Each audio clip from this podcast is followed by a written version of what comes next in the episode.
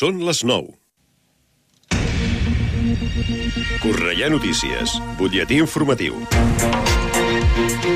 Molt bona nit, els parla Verónica Tomico.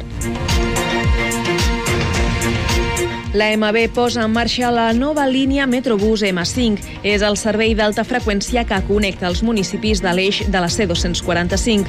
Concretament enllaça Castelldefels, Gavà, Viladecans, Sant Boi i l'intercanviador de Cornellà amb autobusos de gran capacitat que passen cada 10 minuts als dies feiners. De moment s'ha posat en servei el primer tram de la línia entre Cornellà i Gavà i el proper dilluns s'activarà el segon tram entre Gavà i Castelldefels.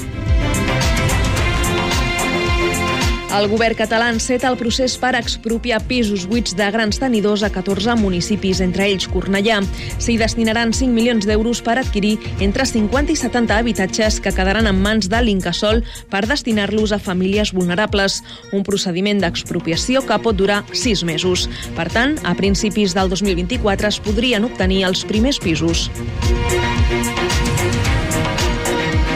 L'Oficina Jove de Cornellà ofereix una assessoria emocional dirigida a joves de 16 a 25 anys, un servei que compta amb el suport del programa Xarxa Joves i del Club Social Espai 3.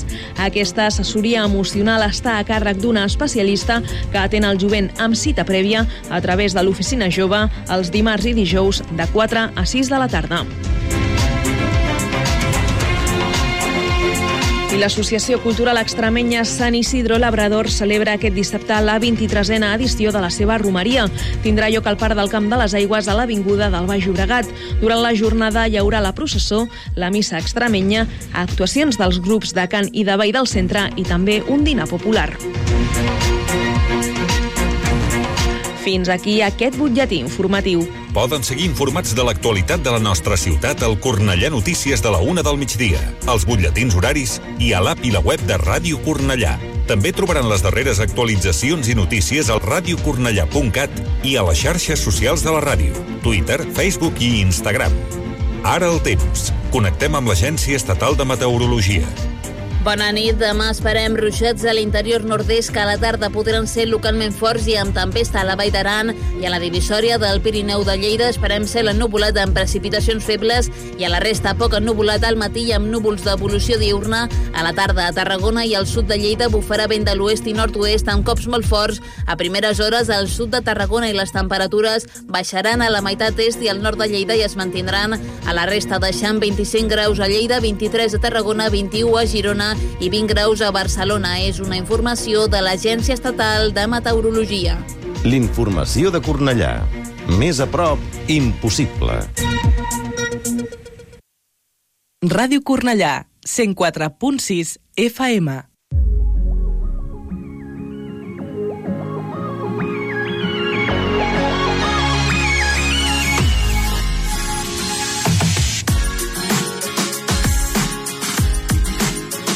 Ara comença Let's Go Creu Roja, mitja lluna roja i cristal roig, amb el patrocini de Conxeroria Montserrat.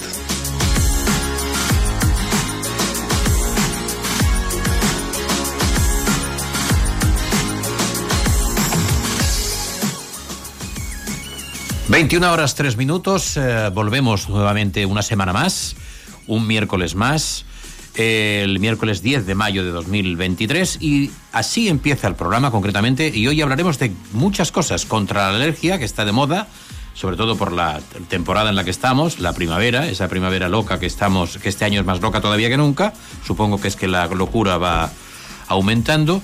Contra la alergia hablaremos de la meditación como una forma natural, gratuita y demás de combatirla.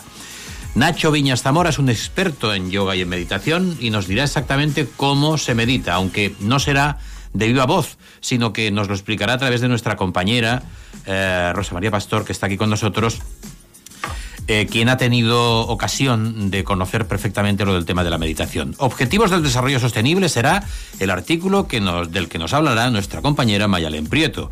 Consejos para ahorrar en tu hogar un tema de medio ambiente que será importante que tengamos en cuenta como el ahorro eh, en el baño, en la cocina y demás, sobre todo el tema del agua, que es lo más importante. Ahora estamos con una época, digamos, en la que, por ejemplo, ayer que llovió ligeramente, la gente lo celebraba. Ya no quería ni cubrirse eh, de la lluvia como hace todo el mundo, que está en la playa, empieza a llover y sale corriendo para no mojarse y resulta que está metido dentro del agua, ¿no? Bien, pues esto ayer no ocurría, ayer había alegría concretamente en la calle cuando llovía. Y, eh, y hoy también tendremos alegría con las eh, adivinanzas de nuestra compañera Olga Giorgi, que nos hablará sobre y nos dirá exactamente eh, su, la adivinanza del día, la de la semana, para ah, que podáis optar a ese premio que damos cada semana por adivinar. Y además hablaremos concretamente de las claves para actuar en un incendio forestal, porque nos preocupa realmente el estado de la sequía, nos preocupa realmente el- la temperatura del suelo, nos preocupa realmente el que esté muy seco el, el- el- campo y las y digamos todas las hierbas de los bosques y demás, porque son un riesgo importantísimo de incendios forestales. No hay más que echar la vista atrás y recordar lo que lo ocurrió el año pasado, que no estábamos en temporada tan seca, y los incendios que tuvieron, tuvimos en este país y también fuera del país. Viajaremos con mm, Mayalén Prieto a un edificio especial y singular de Barcelona. Y tendremos y hablaremos de la segunda parte la acidez estomacal, las causas y los alimentos para evitar. Y finalmente hablaremos de los alimentos saludables en primavera. Un consejo que también os daremos a través del programa de la Hora de Cruz Roja en el 104.6 de la FM, ya lo sabéis, y que eh, empezamos en el ahora mismo, en este momento, pero no eh, como siempre dando unos eh, consejos sobre primeros auxilios.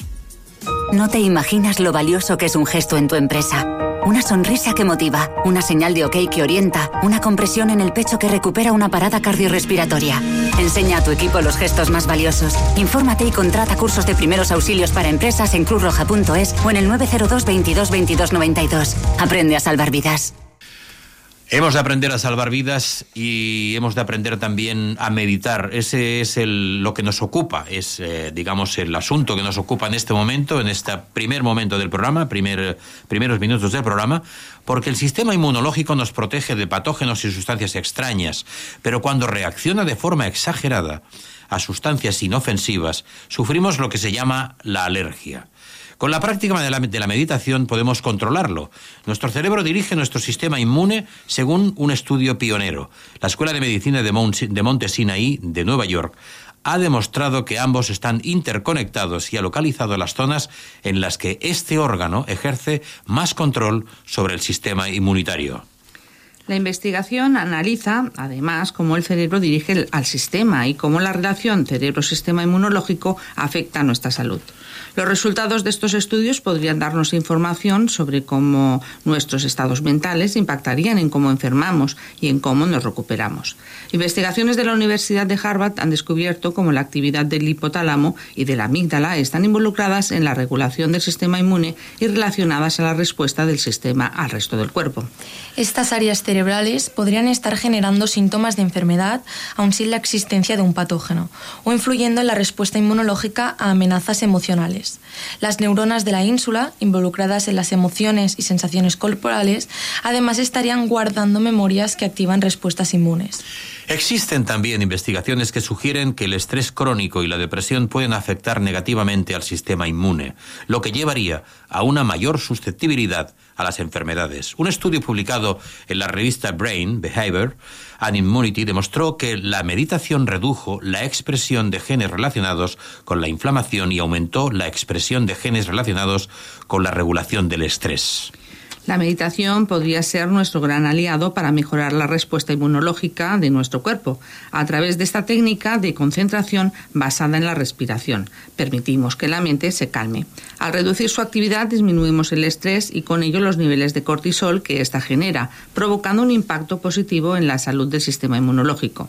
La ciencia ahora, a través de sus investigaciones, nos demuestra que además de los beneficios psicológicos o emocionales, meditar puede ser un gran aliado para nuestra salud física. Ansiedad, insomnio, depresión. Llamar a las cosas por su nombre es de valientes. Pedir ayuda, si lo necesitas, también. Cruz Roja te escucha. Llámanos 900 107 917.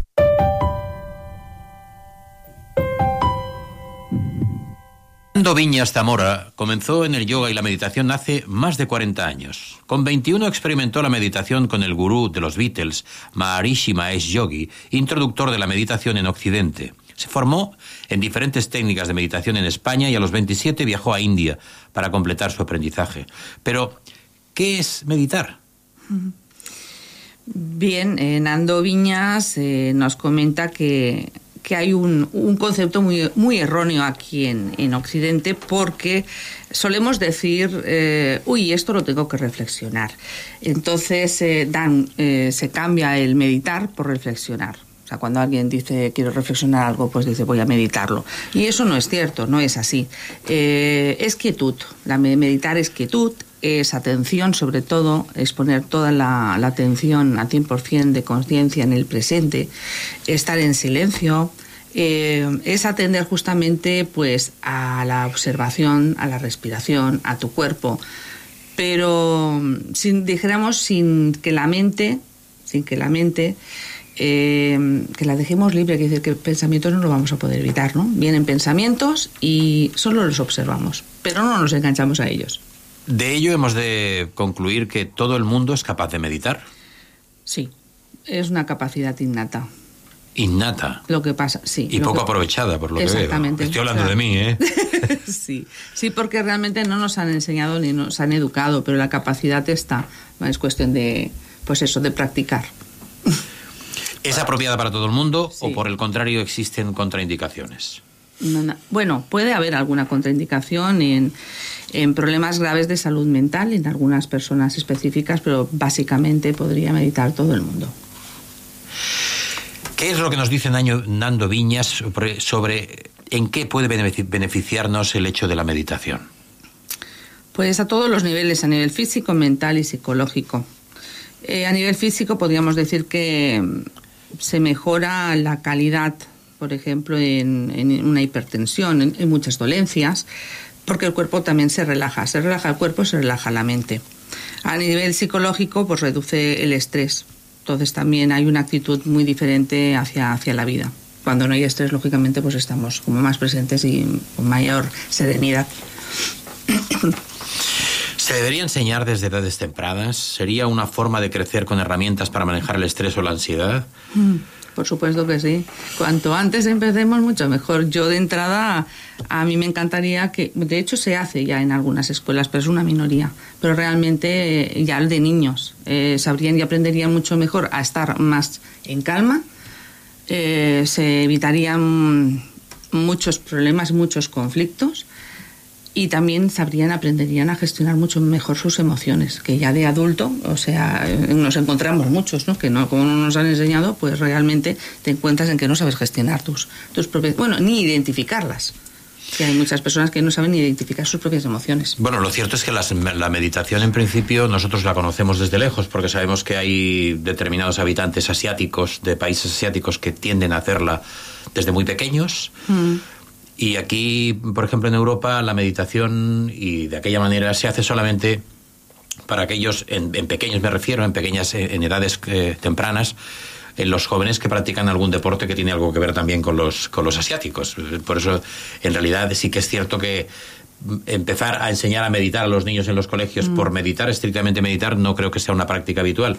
Y si tanto beneficio supone la meditación, lo que no entiendo es por qué la medicina no comparte esos criterios. Esto, esto ahora ya sí. Ahora ya sí. Ahora ya sí, ¿eh? gracias sí. a Dios, afortunadamente. Pero se han tenido que hacer muchísimas investigaciones. ¿Cuánto tiempo le dedica la meditación a aquellas personas que no tienen tiempo? Porque esa es una de las preguntas que seguramente caerían. Oiga, si no tengo tiempo, ¿no? Pero, sí, es que eh, puede ser de un minuto incluso. Hazlo muchas veces, pero aunque sea un minuto, ya poco a poco vas añadiendo. Luego, tres, se empieza por poquito, pero un, hay una media de unos 20 minutos, vale. media hora, depende. De, depende, depende pero una sí. meditación, si se hace consciente, una meditación con un minuto solo, pero que sea consciente, que sientas mm. tu cuerpo, que puedas sentir, es suficiente. Mm. Lo puedes hacer en el baño, andando mismo, parado sí. en un semáforo, en el coche, mm. lo puedes hacer en cualquier momento. Pero ese minuto que sea consciente. Si vienen pensamientos, claro. porque es normal que te pueden venir pensamientos, muy bien, vienen, pasan, los dejas pasar mm. y sigues con la meditación. Es normal. -hmm. No, no, si yo no pongo tela de juicio que sea normal o anormal la meditación. Lo cierto es que sí que es cierto que hay personas que consideran que no, que, que, que requiere una práctica, que requiere un tiempo. No, no saben si están meditando bien. O sea, eh, no saben si tienen que dejar la mente eh, volar o si no tienen que dejarla volar. O, hay quien piensa que la meditación es dejar la mente volar a lo que te No, venga a la mente. No, no, no, es observar, es observación y plena conciencia, 100% en todo. No. ¿Qué consejo creéis vosotros que podríamos darle a las personas para que se inicien en la meditación de alguna manera? Eh, ¿O es- esperar cinco minutos, sentarse cómodamente, hacer... eh, Yo, yo es que la verdad intento buscar algún A ver, incentivo que ya me... ha- Depen- depende de la persona. Yo, por ejemplo, digo, si hay una persona que le gusta mucho lo- la música o la naturaleza, pues simplemente que enfoque en los sonidos. Es, me siento en una piedra en el, en el campo, simplemente observo, siento, escucho los pájaros. Con eso es suficiente. Bueno, me has dado una buena pista. O sea, sentarse en la montaña o en el campo o en el río a escuchar los pájaros... O el sonido del agua. No deja de ser, o el sonido del agua. O fijarte en algo concretamente, una Claro, vela, en la llama sí. de una vela, algo concreto que, te- que tenga. Bueno, ya está, simplemente es eso. Sí. No hay más. Poner la atención en un foco, en un, Un foco. lugar. En Focalizar y ya está, cada vez te costará menos. Bueno, pues concluyendo y resumiendo, nuestro comentario de esta semana ha sido precisamente que la meditación ayuda a mejorar en la salud concretamente de las alergias. Estamos en una época primaveral, típica de alergias, la polinización que constantemente tenemos de los diferentes árboles y lo de las diferentes plantas. Y, Y la ansiedad, que ojo, que es un dato importante. y el estrés y la El ansiedad, estrés, etcétera, sí, etcétera. Bien, pues todo eso, todo eso que además se combate únicamente con antihistamínicos y con mucho sufrimiento, pues es lo que en principio tenemos que empezar por meditar y es lo que hemos eh, intentado hoy revisar, repasar e intentar aprender para ver si sacamos algo en claro sobre los beneficios de la meditación. 21 horas 16 minutos, estamos en el 104.6 de la FM, la hora de Cruz Roja, y seguimos, pero como siempre, con presencia musical que también tiene su espacio en en el programa.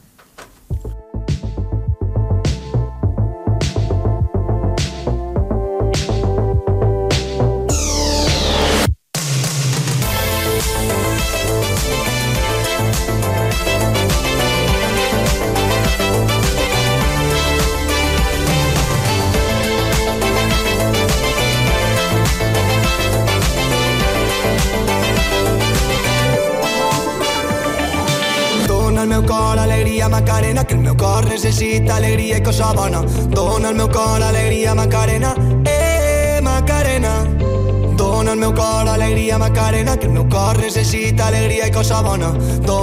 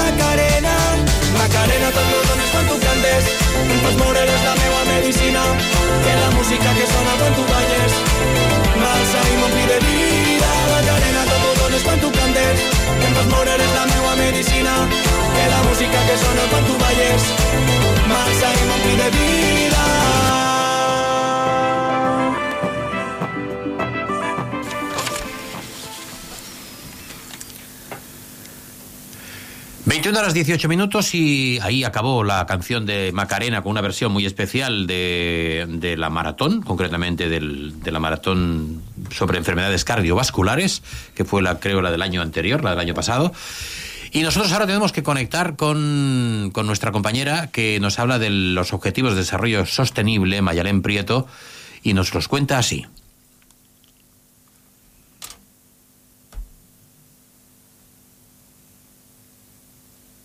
¿No? ¿Nos dicen que no? ¿Sí?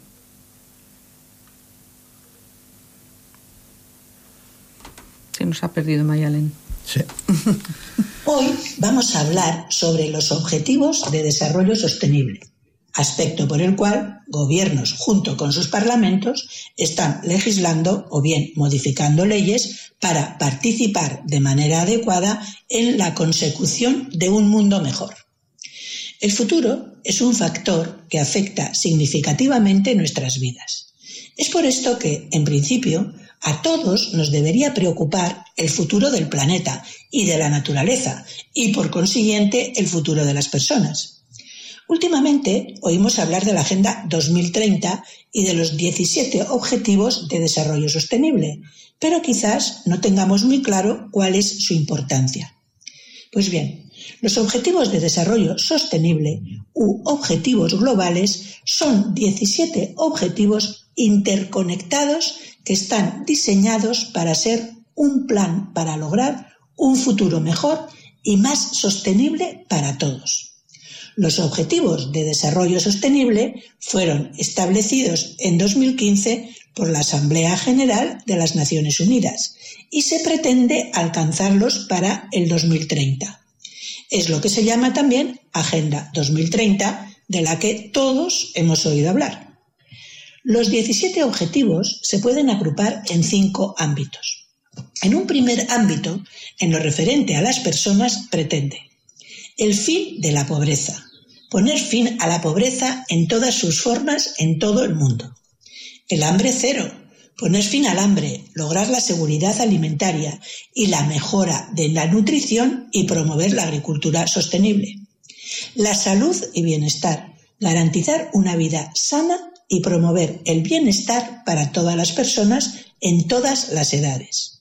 Una educación de calidad, garantizar una educación inclusiva, equitativa y de calidad y promover oportunidades de aprendizaje durante toda la vida para todas las personas.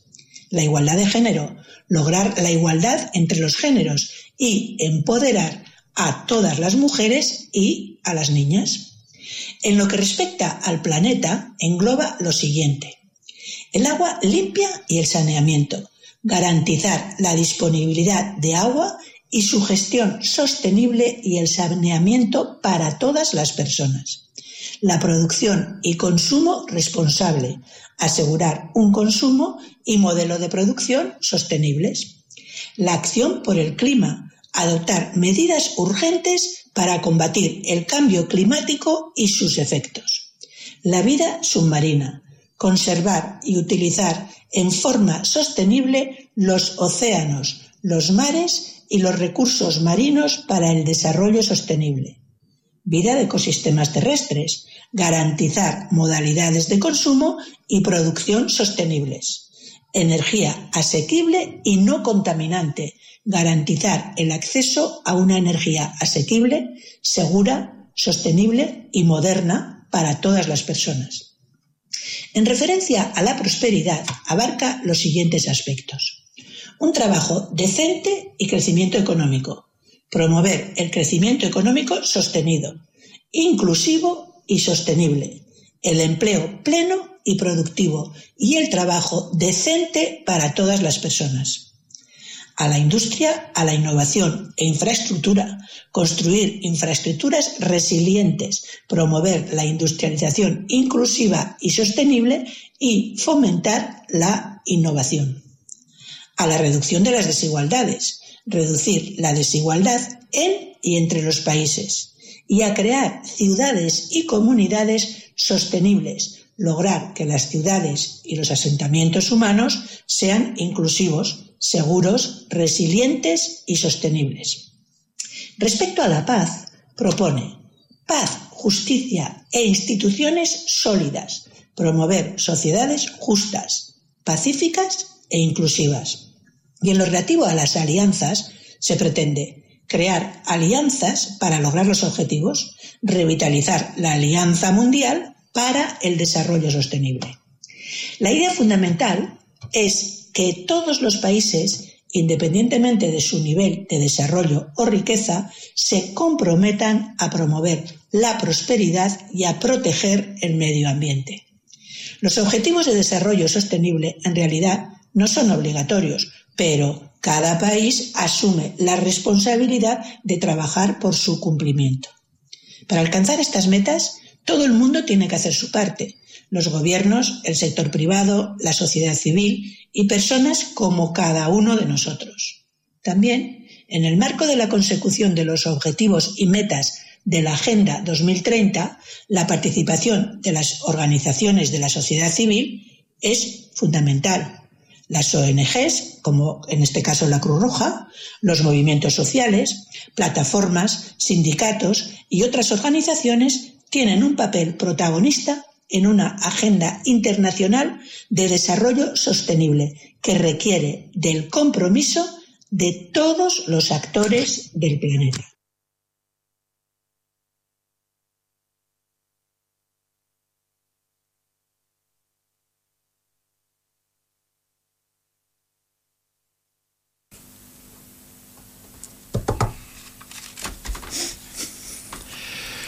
...21 horas 25 minutos, estamos aquí, nos hemos quedado con las conexiones... Eh, Hemos quedado meditando. Exactamente, meditando, con las conexiones. Eh, esto es lo que ocurre con las conexiones, yo no sé quién pisa el cable, que se queda el tema. Pero bueno, finalmente Podemos hemos salvado el tema, hemos hablado de los objetivos de desarrollo sostenible, ha hablado Mayalén Prieto, que nos ha ilustrado al respecto, y nosotros tenemos, como siempre, la presencia de la música. Por lo tanto, vamos con ella. 21 horas 25 decía 104.6 de la FM. Ara tinc un cor après tot el que volia i no té cap por. Pot despertar de matinada i batega malgrat caigui. No es rendeix mentre que tingui la veu. Ara tinc un cor que és fidel sempre al seu ritme, tindrà una raó respeto i que m'arrastra a que jo mai no canvi, a que jo mai no em rendeixi, no, no.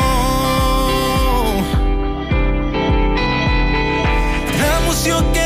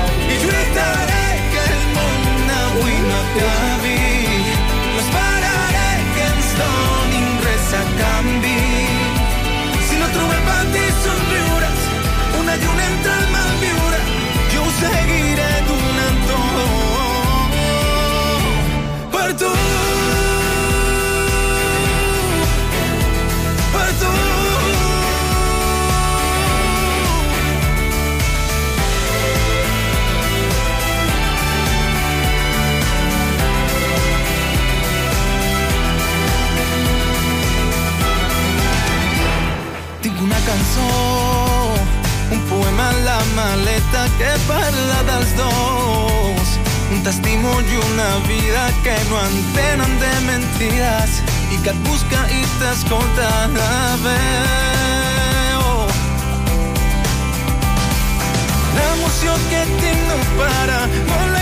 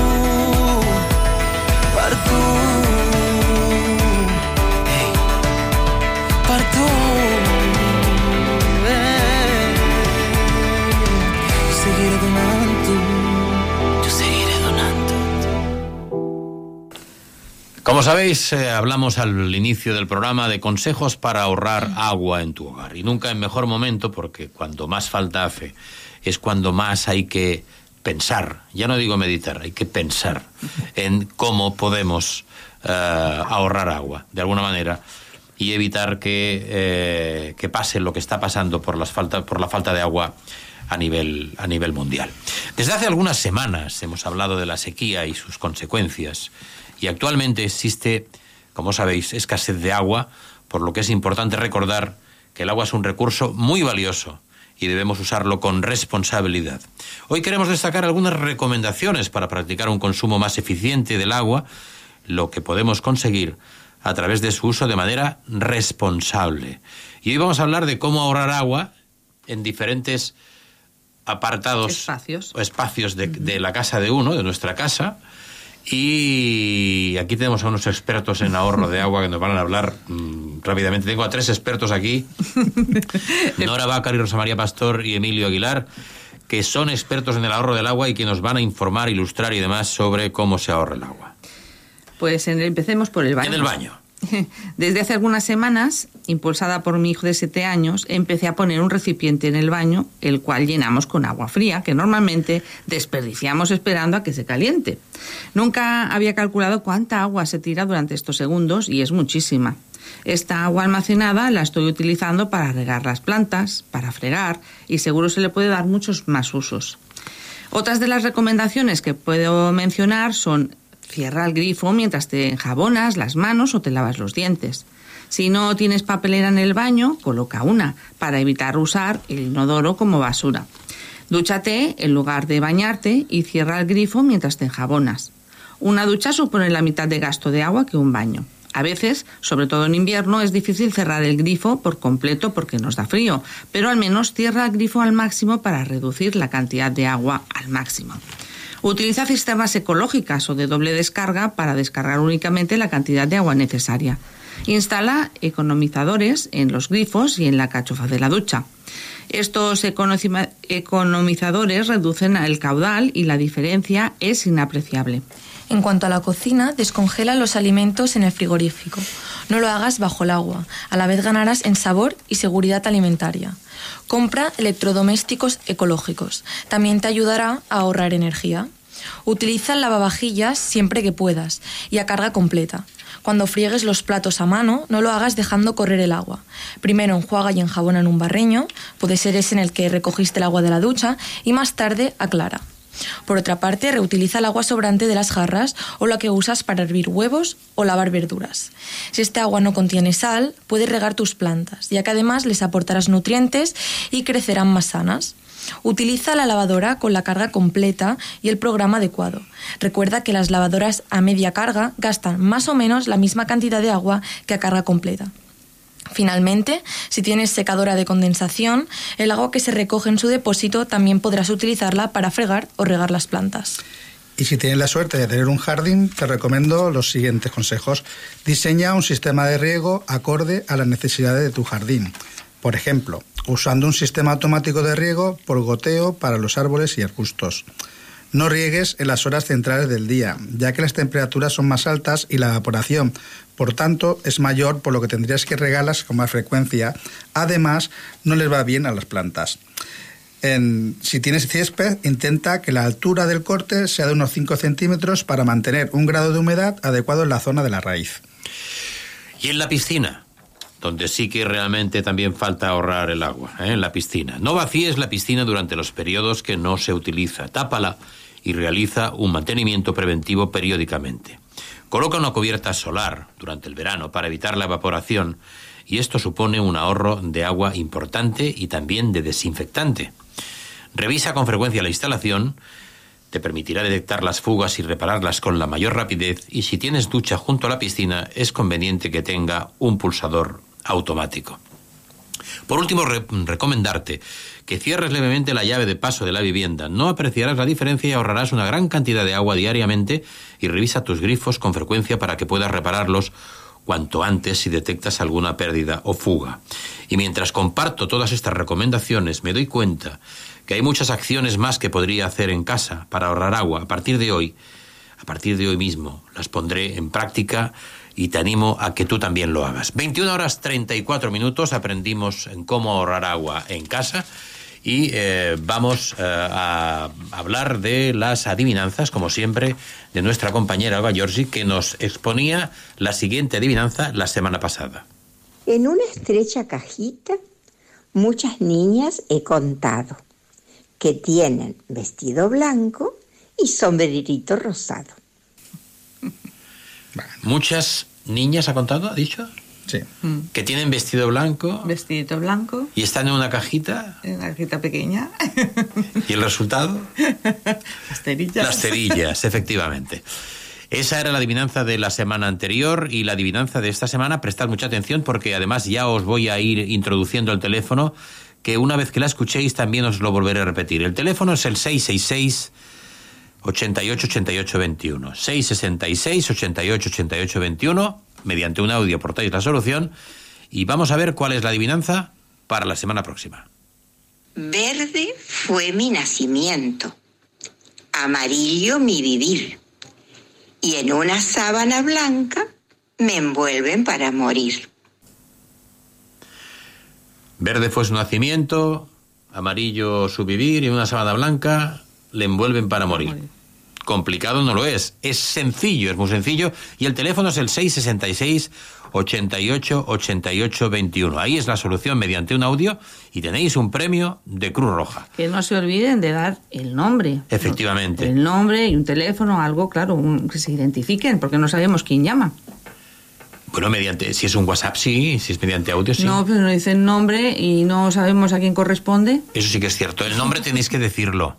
El teléfono, el teléfono lo podemos Nombre y apellido, por lo menos. Esto es, el nombre y apellido sobre todo para saber a quién entregar el premio. Claro. Bien. Pues ahí quedó la adivinanza de la semana y vamos a hablar concretamente, o van a hablar, mi compañero que está aquí puesto al corriente, de cuáles son eh, las claves para actuar en un incendio forestal y así nos explica Emilio qué hay que tener en cuenta. Bueno, para conocer de primera mano cómo se llevan a cabo las labores y preparación y coordinación ante un incendio forestal, desde Cruz Roja Conecta no han querido dejar pasar la oportunidad de reconocer el valor que se merecen todas aquellas personas implicadas en la preparación ante las emergencias. Su labor es vital para garantizar una actuación rápida, coordinada y eficaz. Es fundamental mantenerse informado a través de las redes oficiales y luego atender a los consejos que dan las autoridades. Nos explica Manuel Villanueva, técnico de extinción del Consorcio Provincial de Bomberos de Castellón, quien junto a su equipo lideró el puesto de mando avanzado en el incendio que arrasó Villanueva de Viver y provocó 1.400 desalojos. Añade además la cifra de que solo en la comunidad valenciana casi el 30% de incendios son negligencias, por lo que muchas veces es una cuestión de no tener en cuenta los parámetros medioambientales en los que se realiza la jornada. Por ejemplo, en caso de hacer fuego, hay que hacerlo en los sitios habilitados para ello, nos recuerda. Por otro lado, Pedro Recio, referente de Medio Ambiente de Cruz Roja en Castilla y León, afirma que para reducir la huella de carbono y el impacto ambiental de las acciones de Cruz Roja, estos objetos se cumplen a través de implantación de una estrategia que es prioritaria para nuestra organización y en la que estamos implicando a todo el personal laboral de Cruz Roja y, por supuesto, a todas las áreas en las que intervenimos. Una estrategia que trabaja con neutralidad climática basada en la reducción de la huella de carbono, gracias a un sencillo método que está basado en tres pasos que son los que marca la estrategia más compensa dos. El primer paso es el cálculo de las emisiones de gases de efecto invernadero. El segundo paso es la reducción de las emisoras al mínimo posible. Y el tercer paso es la compensación de las emisiones que no podemos evitar como consecuencia de nuestro impacto. Ese trabajo lo hacemos esencialmente a través de acciones de reforestación, subraya Pedro, quien también advierte sobre algunos consejos de cara a los meses de más calor del año. Y es que es importante respetar las restricciones de actividades que marquen las administraciones públicas. Especialmente hay que ser cuidadosos en momentos de emergencia. Por ejemplo, no tenemos que tirar colillas desde el coche, que además conlleva multas muy severas. Cuidado con la quema de rastrojos. En definitiva, ser sensibles con lo que podemos llegar a provocar. Concluye. De esta manera se articulan distintos sectores de Cruz Roja para tener una actuación eficiente en casos de incendios forestales. Gaudeix de Ràdio Cornellà quan vulguis, al teu mòbil, tauleta o ordinador.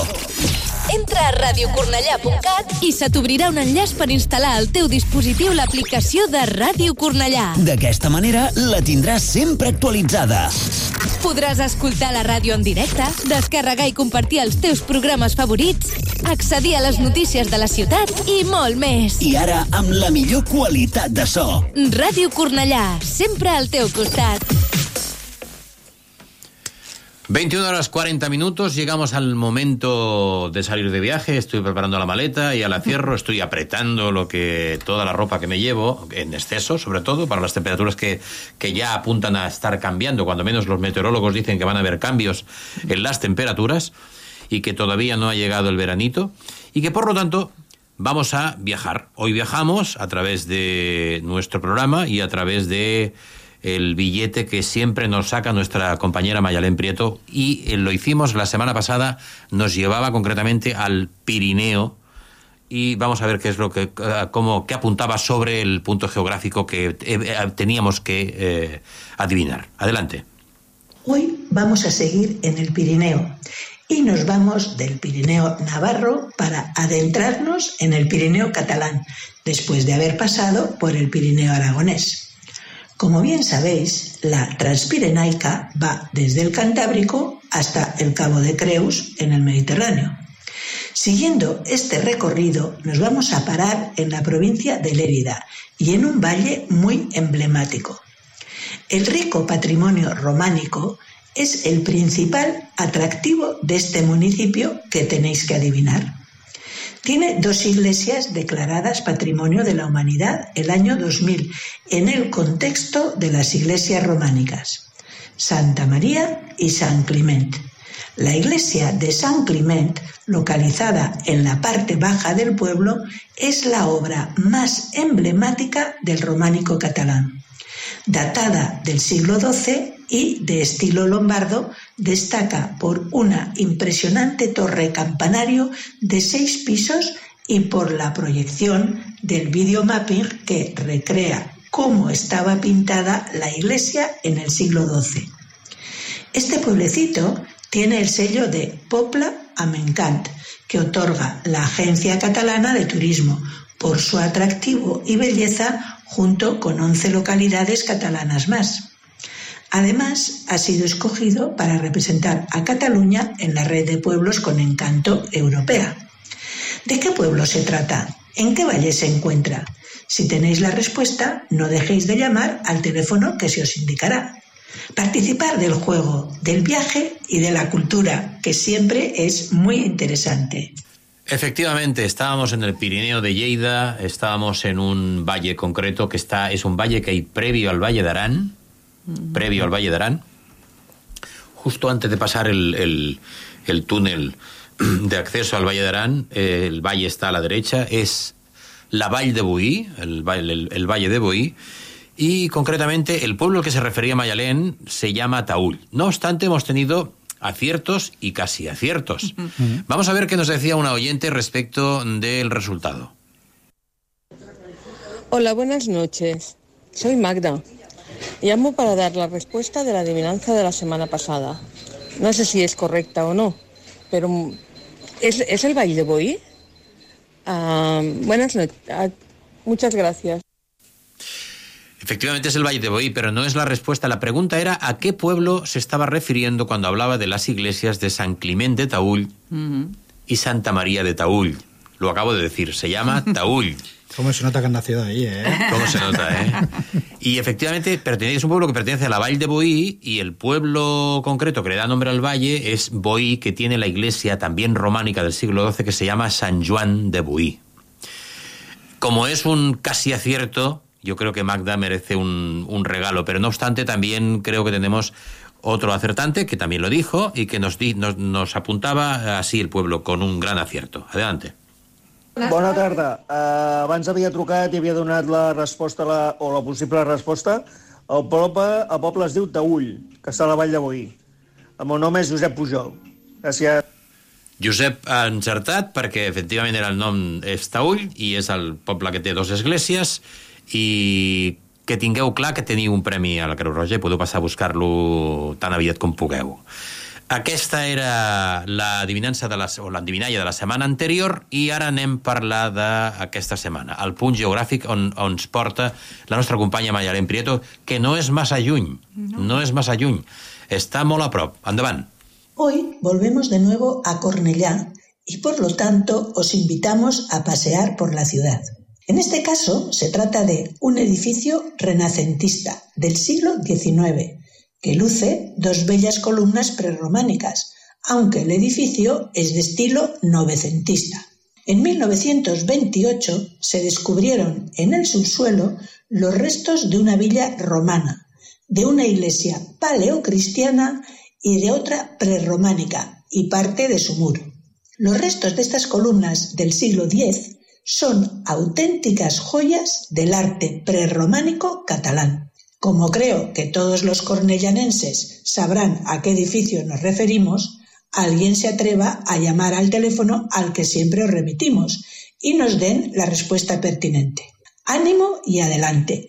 Esta vez es muy, muy fácil y sabéis que hay un premio para el primer acertante.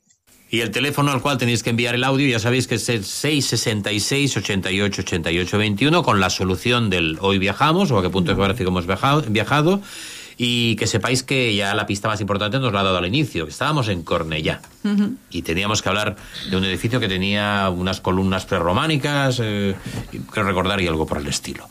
Bien, son 21 horas 46 minutos, llegó el momento de la música como siempre y vamos con ella. Avui em pregunto què serà tu Va ser part meva i ara és tan llunyana recordar-te sempre és impossible És impossible. No m'ho perdono, tu passes de mi. Ja va expirar tot el que ahir sentia. Ser dictador, no deixar-te marxar. Hauria d'haver estat un pacte d'entrada Anys sense mirar-te Tres postals i aquell bolero Dos mesos i m'oblidaves Ni tan sols t'assabentaves Del 29 de febrer Sento rumors de tu que diuen Que el vent és l'única que escoltes El mateix que mai va fer falta Per aixecar la faldilla Quan a tu et convenia. Com t'atreveixes a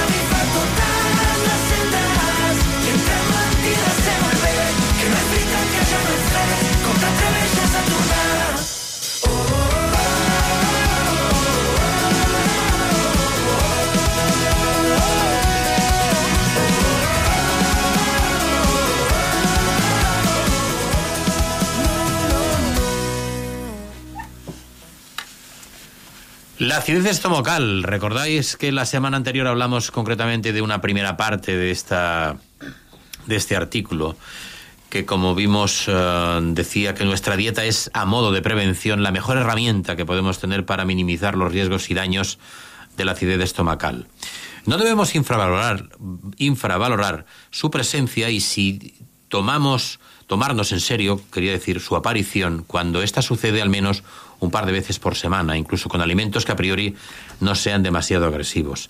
Hablamos, si recordáis, del picante y hablamos y apuntamos otros alimentos que conviene evitar, al menos en cantidad, porque también inciden de forma positiva en la aparición de la acidez estomacal. Como los cítricos. Los cítricos más amables para el estómago son la mandarina y la clementina, que es un tipo de mandarina, creo yo. Resulta bastante evidente pensar que cualquier producto que por definición sea ácido va a ser un pésimo amigo de, la acidez estomacal. Es lo que sucede con, obviamente, cualquier tipo de cítrico, aunque sea una situación más grave, cuanto más ácidos sean estos. Así que veamos quiénes son los peores aliados en este caso. Las mandarinas y clementinas son las menos ácidas de las frutas cítricas, seguidas de la naranja y la lima quedando relegadas en el mundo de los productos muy ácidos el limón o el pomelo, que deberían ser los primeros en salir de nuestra lista de la compra si nos empieza a preocupar el ardor de estómago. Por otra parte, la cebolla provoca gases y su parte sulfurosa también supone una mayor secreción de ácido. La cebolla, aun sabrosa y también perseguida por ser un alimento que provoca mal aliento, puede ser un alimento a evitar cuando hablamos de acidez estomacal. Los motivos son diversos, aunque lo más importante es cómo la consumamos, siendo más agresiva cuando se toma cruda que cuando se toma cocinada. Al consumirse cruda, la cebolla genera ciertos gases en el estómago, provocando hinchazón y también exigiendo una digestión algo más lenta. Por este motivo, permanece más tiempo en el estómago y además sus compuestos sulfurosos, esos que hacen que repita, se expanden por el tubo esofágico, provocando este malestar, siendo un alimento que diversos estudios avalan como un iniciador de la acidez estomacal. También la menta y la hierbabuena. La relación que ejerce la menta puede convertirse en un mal estímulo para el ardor del estómago. Puede que agradezcamos sobremesa su presencia refrescante en nuestras comidas e incluso en nuestros cócteles. ¿Cómo imaginar un mojito sin hierbabuena? Pero la realidad, si el reflujo nos preocupa, es que se trata de dos saborizantes que pueden multiplicar el malestar y la acidez estomacal. Sucede porque el consumo de la menta o de la hierbabuena tiene un efecto relajante en el esfínter esofágico esa aduana entre el esófago y el estómago, por lo que permitiría que la acidez reversarse tras su consumo, motivo por el que conviene minimizar su consumo y si ya sufrimos ardor o priosis. Las bebidas con gas pueden estimular el ardor de estómago. Es cierto que no son un alimento como tal, pero las bebidas carbonatadas, incluso el agua mineral con gas, como refrescos o cervezas, son también malos aliados del reflujo gastroesofágico y la acidez más aún si estas bebidas pudieran tener alcohol, como sucede con la cerveza, o tienen un nivel de amargor o ácido alto, como ocurre con el vino blanco, el champán o los otros refrescos elaborados con cítricos como el limón o la naranja. El problema en este caso viene por dos caminos. El primero, el opio, está en que son sustancias ácidas que ya de por sí erosionan a su paso por el esófago. El segundo, a veces más desapercibido, es su presencia en gas carbónico, que favorece la expulsión de eruptos y la acumulación de gas en el estómago, pudiendo además complicar el trabajo del esfínter esofágico. Por último, el tomate también es un producto de elevada acidez. Si antes mencionamos que los cítricos son malos amigos de la acidez estomacal, nuestro querido tomate, rey de ciertas bondades como el licopeno y sus antioxidantes o su alto contenido en vitamina C, también debería estar en este juicio contra el ardor de estómago. Además, no solo él, sino otros productos elaborados con él como salsas o ketchup, especialmente cuando se aderezan con sustancias aún más ácidas, como aceites o vinagres, o cuando comemos tomates especialmente poco maduros, ya que su acidez es mucho mayor suponiendo otra piedra en el camino de la acidez estomacal, si no medimos su consumo. El problema no está solo en consumirlo, sino también en la trampa nutricional que a veces supone que añadamos azúcar para minimizarlo, pues así engañamos al paladar, pero no al esófago.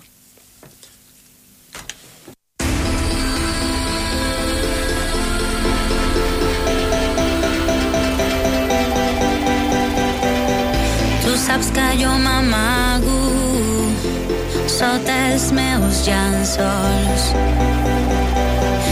És un somio sempre les coses que vull fer. Va robar millor de mi, però no em pensaràs així. Penses que no queda deixar res de bo.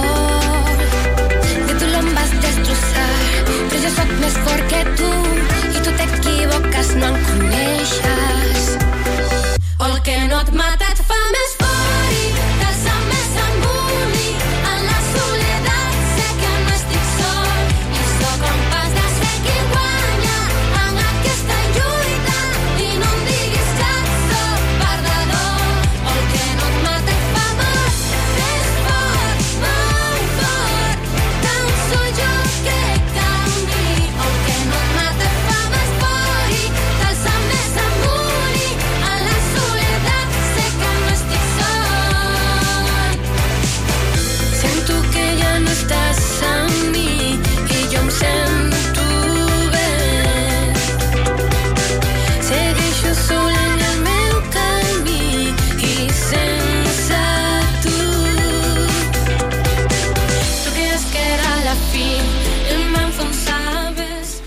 Bueno, vamos a hablar sobre los alimentos saludables de la primavera. La primavera es una época en que las muchas personas se enfocan en mejorar su dieta y llevar una alimentación más saludable. En esta estación, la naturaleza se renueva y llegan al mercado una gran cantidad de alimentos frescos y saludables. En este artículo exploraremos algunos de los nutrientes de primavera y cómo pueden beneficiar nuestra salud. Las verduras de hoja verde son una fuente importante de nutrientes durante la primavera. Las hojas de espinaca, la col rizada, la celga y la lechuga son ricas en vitaminas A y C, así como el hierro y el calcio y fibra. Estos nutrientes son esenciales para la salud de los huesos, los dientes y el sistema inmunológico. Además, son ricas en antioxidantes que pueden ayudar a prevenir el daño celular y reducir el riesgo de enfermedades crónicas como el cáncer y la enfermedad cardíaca.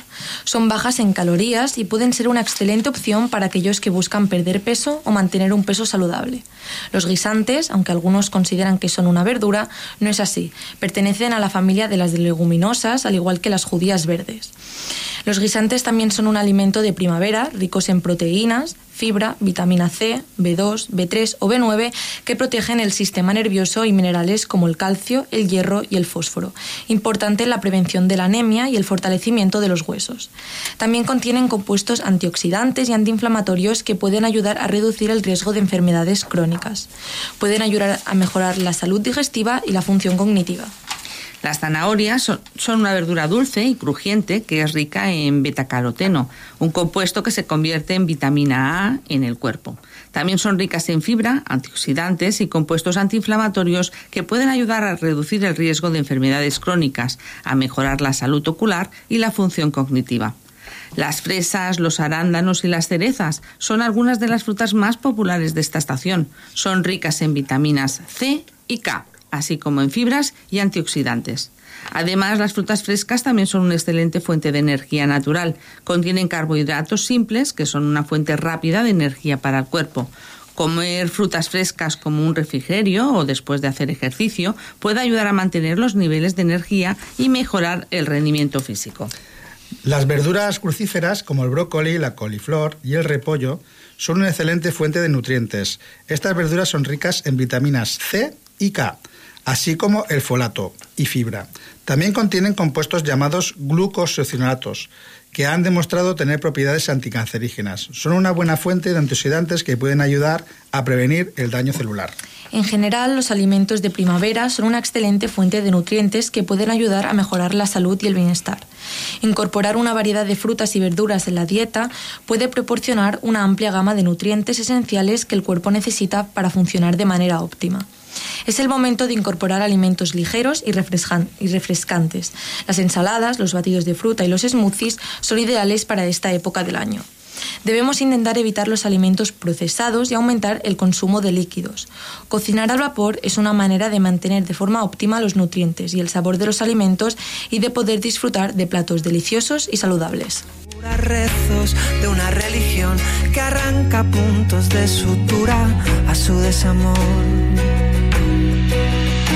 El camino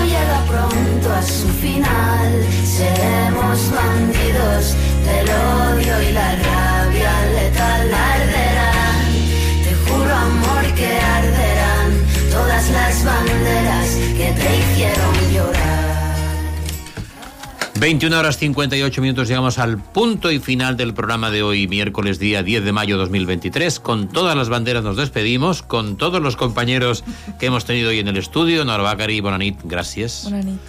Rosa María Pastor, Bonanit, gracias. Bonanit. Emilio Aguilar, gracias, Bonanit. Bonanit.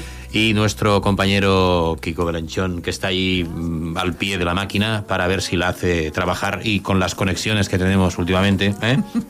mejorando.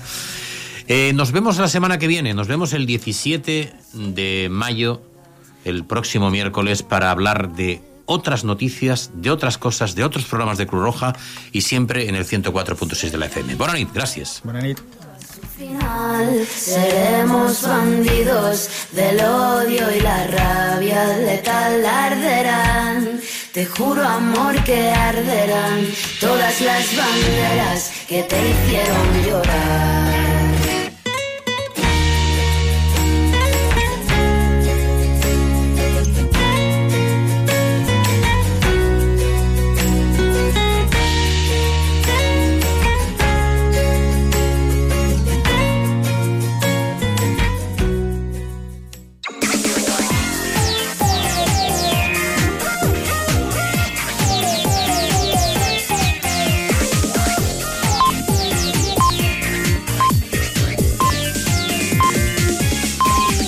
Són les 10.